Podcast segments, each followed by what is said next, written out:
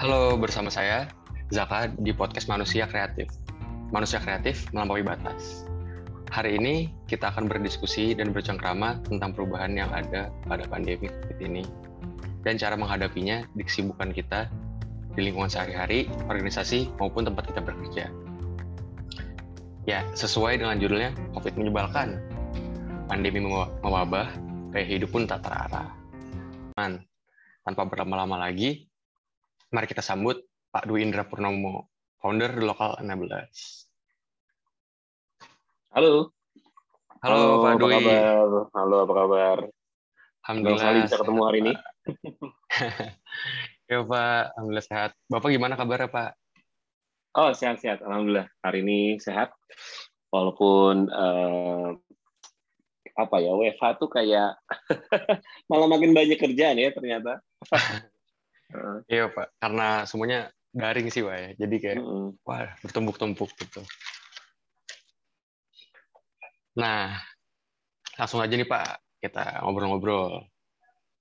-hmm. uh, pertama-tama, pandangan bapak nih, bagaimana terhadap perubahan yang terjadi di masa disrupt era disruptif ini yang sedang diserang oleh pandemi COVID-19.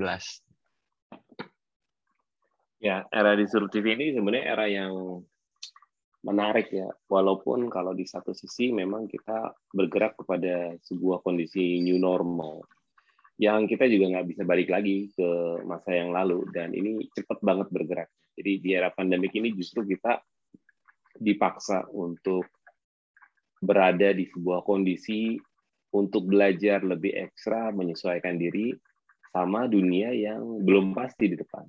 Justru the new normal adalah kondisi di mana kita belajar hidup untuk penuh ketidakpastian. Ini menarik sih sebenarnya. Kalau kita lihat dari sisi optimisnya. Ya. Tapi kalau dari sisi negatifnya, hmm, ya memang banyak berkorban ya. Tetapi inilah tantangan buat kita buat tetap adaptif ya.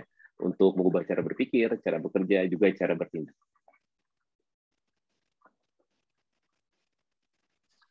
Oke, jadi mungkin emang dari kitanya harus adaptif gitu, Pak ya. Menghadapi hmm. era disruptif, ditambah dengan bisa dibilang tsunami pandemi gitu, Pak ya. Hmm. hmm. Nah, benar. Menurut Bapak, bagaimana nih Pak, cara kita tetap produktif dan juga motivated gitu, Pak? Kan kayak iya. daring-daring gini, jadi orang orang tuh uh, gampang jenuh lah gitu, Pak.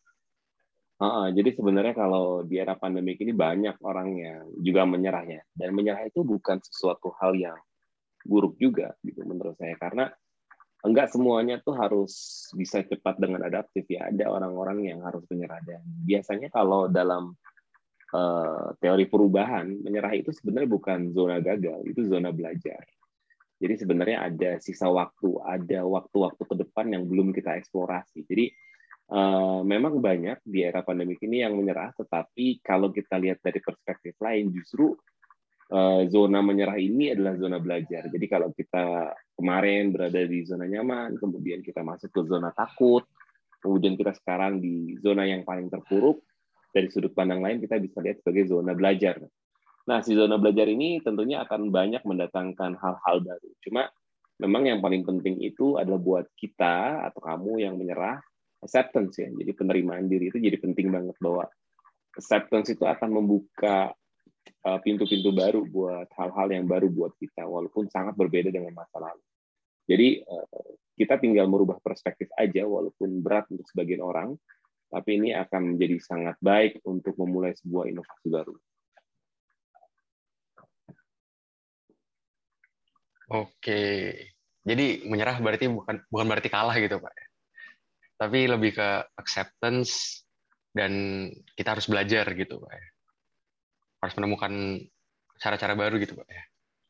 Ya cara-cara baru. Tapi sebelum ke cara-cara baru sebenarnya cara berpikir baru itu yang yang paling challenging. Karena uh, kita nggak bisa lagi uh, cara berpikir kita konvensional ya dengan satu variabel. Bahkan sekarang tuh multi variabelnya banyak banget. Karena si era digital ini membukakan kita dan mempertemukan kita dengan variabel-variabel baru yang nggak bisa cuma satu atau dua ya, tetapi justru banyak banget sehingga uh, istilahnya kan FUKA ya, volatility ya, cepat banget, uncertainty jadi jadi nggak pasti gitu. Kemudian ada complexity. Nah ini complexity itu di era sekarang tuh justru kita dipertemukan dengan era yang sangat luar biasa, banyak banget variabelnya, jadi sangat kompleks dan itu menyebabkan kita jadi ambigu, jadi kayak uh, bisa menerjemahkan itu dari sudut pandang kamu benar, dari sudut pandang saya benar gitu. Nah, sekarang tuh gimana caranya meramunya itu menjadi sebuah hal yang bisa saling memperkaya dan jadi solusi baru berupa inovasi-inovasi di masa yang akan datang. Oke, Baik, eh, selanjutnya di masa seperti ini terkadang banyak hal yang membuat kita terada nih Pak, bahkan kurang terarah gitu. Menurut Bapak, eh, bagaimana sih kita agar tetap stay on track nih? Mungkin dengan cara-cara Bapak sendiri, mungkin. Iya, justru semakin tidak terarah itu karena memang akibat dari kompleksiti tadi ya gitu kan banyak banget uh, sekarang tuh kondisi-kondisi yang memang uh, ambigu gitu dan tidak terarah. Tapi sebenarnya kita juga harus merubah perspektif. Itu sebenarnya bukan tidak terarah, tapi sebenarnya jadi berdinamika.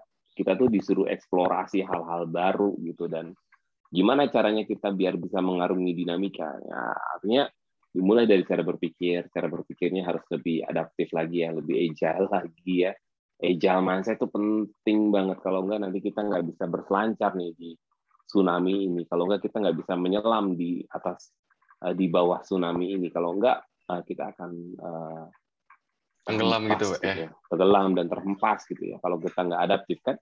Jadi uh, yang paling harus dilakukan tuh uh, switching mindset dulu sih sebenarnya. Karena kalau kita lihat berat ya memang berat sih. Kalau dilihat sudut pandang tapi sudut pandang lain gak gitu juga ini challenging gitu ya.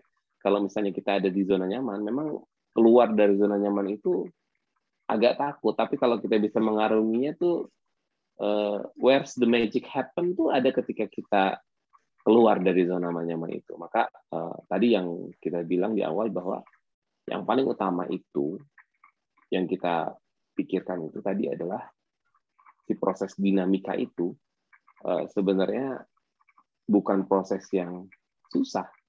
Maka switching aja mindset kita. Nah, ini memang ngelatih kawan-kawan kita, anak muda terutama ya, ataupun golongan-golongan yang udah senior tuh untuk switching mindset karena nggak bisa lagi kita nih hidup dengan mindset masa lalu karena semua variabelnya udah benar-benar berubah, udah sangat-sangat berubah. Nah, kita bisa nggak meyakini bahwa sesuatu yang harus kita jalani itu adalah bereksplorasi nggak bisa lagi kita merujuk pada masa lalu yang best practice gitu best practice itu di masa lalu di sebuah lokasi tertentu tapi kalau sekarang udah masanya beda. Di era FUKA ini luar biasa banyak. Sehingga kalau kita nempelin cara berpikir masa lalu dengan best practice masa lalu apalagi di sebuah lokasi tertentu wah kacau juga nih. Jadi artinya kita akan tenggelam.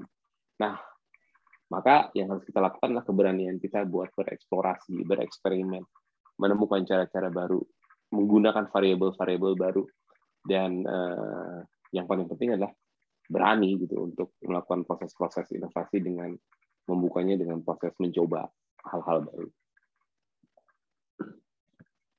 Oke, berarti emang kita sebenarnya uh, harus melihat dari sudut pandang yang berbeda gitu pak ya. Dan juga kita harus apa ya pandai bereksplorasi gitu. Ubah gaya hidup dan ya menggunakan tools-tools dan cara-cara baru gitu pak ya untuk survive gitu. Atau kita bakal tenggelam sendiri pak ya. Ya ya betul betul kalau nggak kita tenggelam dan nggak bisa ngapa-ngapain lagi kan nah yang terakhir nih pak menurut bapak apa nih hal baik yang terjadi dan bisa ditumbuhkan di tengah kondisi seperti ini? Atau mungkin dari bapak pengalaman bapak pribadi mungkin ada contohnya mungkin? Ya kalau misalnya kita bisa lihat sebenarnya kita mulai dari menumbuhkan kemampuan kita dari praktek-praktek baik ya eh, praktek-praktek baik itu kita bisa mulai dari menumbuhkan growth mindset dulu nih. Growth mindset ini uh, jadi menantang ya karena uh, perubahan itu dilakukan justru dari uh, cara berpikir kita. Nah, kebanyakan orang itu berubah dari tools dan praktek. Padahal yang paling penting untuk kita lakukan perubahan itu justru dari uh, mindset dan value ya. Jadi itu yang menjadi challenge untuk kita untuk memulai perubahan itu dari mindset Nah, kemudian kita kembangkan jadi praktek-praktek baik. Jadi istilahnya kalau kita mau melakukan sebuah perubahan, maka yang perlu kita lakukan itu adalah uh, mindset, kemudian kita turun ke nilai, turun ke prinsip, turun ke praktek, turun ke tools and processes. Nah, ini yang harus jadi kita uh, jadikan pegangan ya bahwa boleh sih kita belajar digitalisasi tools dan proses dan lain-lain. Tapi kalau kalau kita nggak melakukan perbaikan mindset, nilai dan prinsip, ini akan jadi sangat mubazir ya, karena ini juga menjadi penting untuk kita lakukan melalui organisasi-organisasi yang juga harus shifting. Kalau dulu organisasinya bukan organisasi pelajar, pembelajar, maka sekarang harus shifting jadi organisasi pembelajar. Maka oleh karena itu untuk menilai, uh, untuk memperoleh nilai, prinsip dan praktek, maka kita perlu nih ada eh, proses-proses perubahan, perubahan struktur organisasi, dari hierarki ke network, kemudian budaya-budaya yang inklusif, kemudian uh, nanti secara teknis baru bisa diadopsi secara teknis. Tapi intinya adalah yang paling penting mulai dari mindset dilakukan melalui organisasi pembelajar, turunkan ke nilai dan prinsip dan praktek dengan melakukan proses-proses perubahan uh, budaya dan struktur organisasi, kemudian kita bisa melakukan secara teknis dengan baik.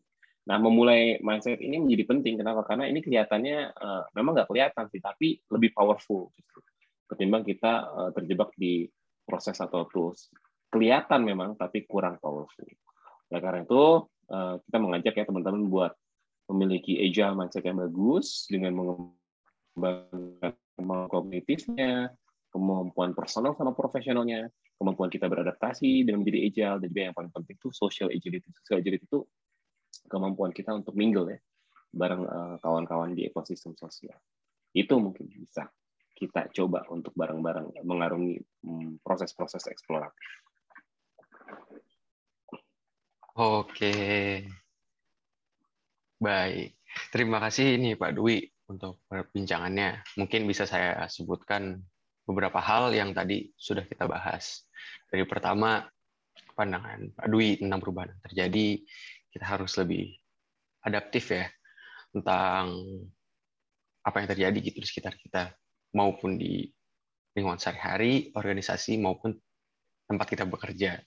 Kita kalau misalnya kita ingin survive di tsunami COVID-19 ini, di era disruptif, kita juga harus lebih adaptif dan berkembang look at the bright side dan juga harus ubah kebiasaan lama dengan tools-tools baru gitu. Kita harus kita juga harus merubah mindset kita untuk agar lebih agile dan juga ada cara berpikir yaitu growth mindset ya dari Pak Dwi. Nah, mungkin dari Pak Dwi bisa menuturkan closing statement nih Pak untuk para pendengar podcast ini? Ya, closing statement-nya uh, ya kita bergerak dari zona nyaman. Memang pintu pertama dari zona nyaman adalah zona ketakutan. Tapi memang di zona ketakutan ini juga banyak banget ya orang-orang yang gagal karena kurang percaya diri atau terlalu banyak mencari alasan atau terpengaruh sama opini orang lain. Tapi jangan khawatir, zona ketakutan itu akan tumbuh menjadi zona belajar di mana kita juga belajar untuk menanggapi tantangan dan masalah ya. Kemudian kita akan tumbuh lagi masuk ke zona tumbuh. Jadi dari zona nyaman ke zona takut dari zona takut ke zona belajar nah dari situ kita akan masuk ke zona tumbuh. Jadi nggak akan bisa nih kalau kita nggak mulai proses itu kemudian kita tiba-tiba tumbuh. Jadi yuk kita mulai eksplorasi. Terima kasih Pak untuk kata-kata mutiaranya. Ya sangat memotivasi ya teman-teman. Oke. Okay. Kata Mutiara ya. Siap. Terima kasih eh, teman-teman sudah mendengarkan sampai akhir nih. Sampai jumpa kembali di podcast Manusia Kreatif. manusia kreatif melampaui batas. Dadah.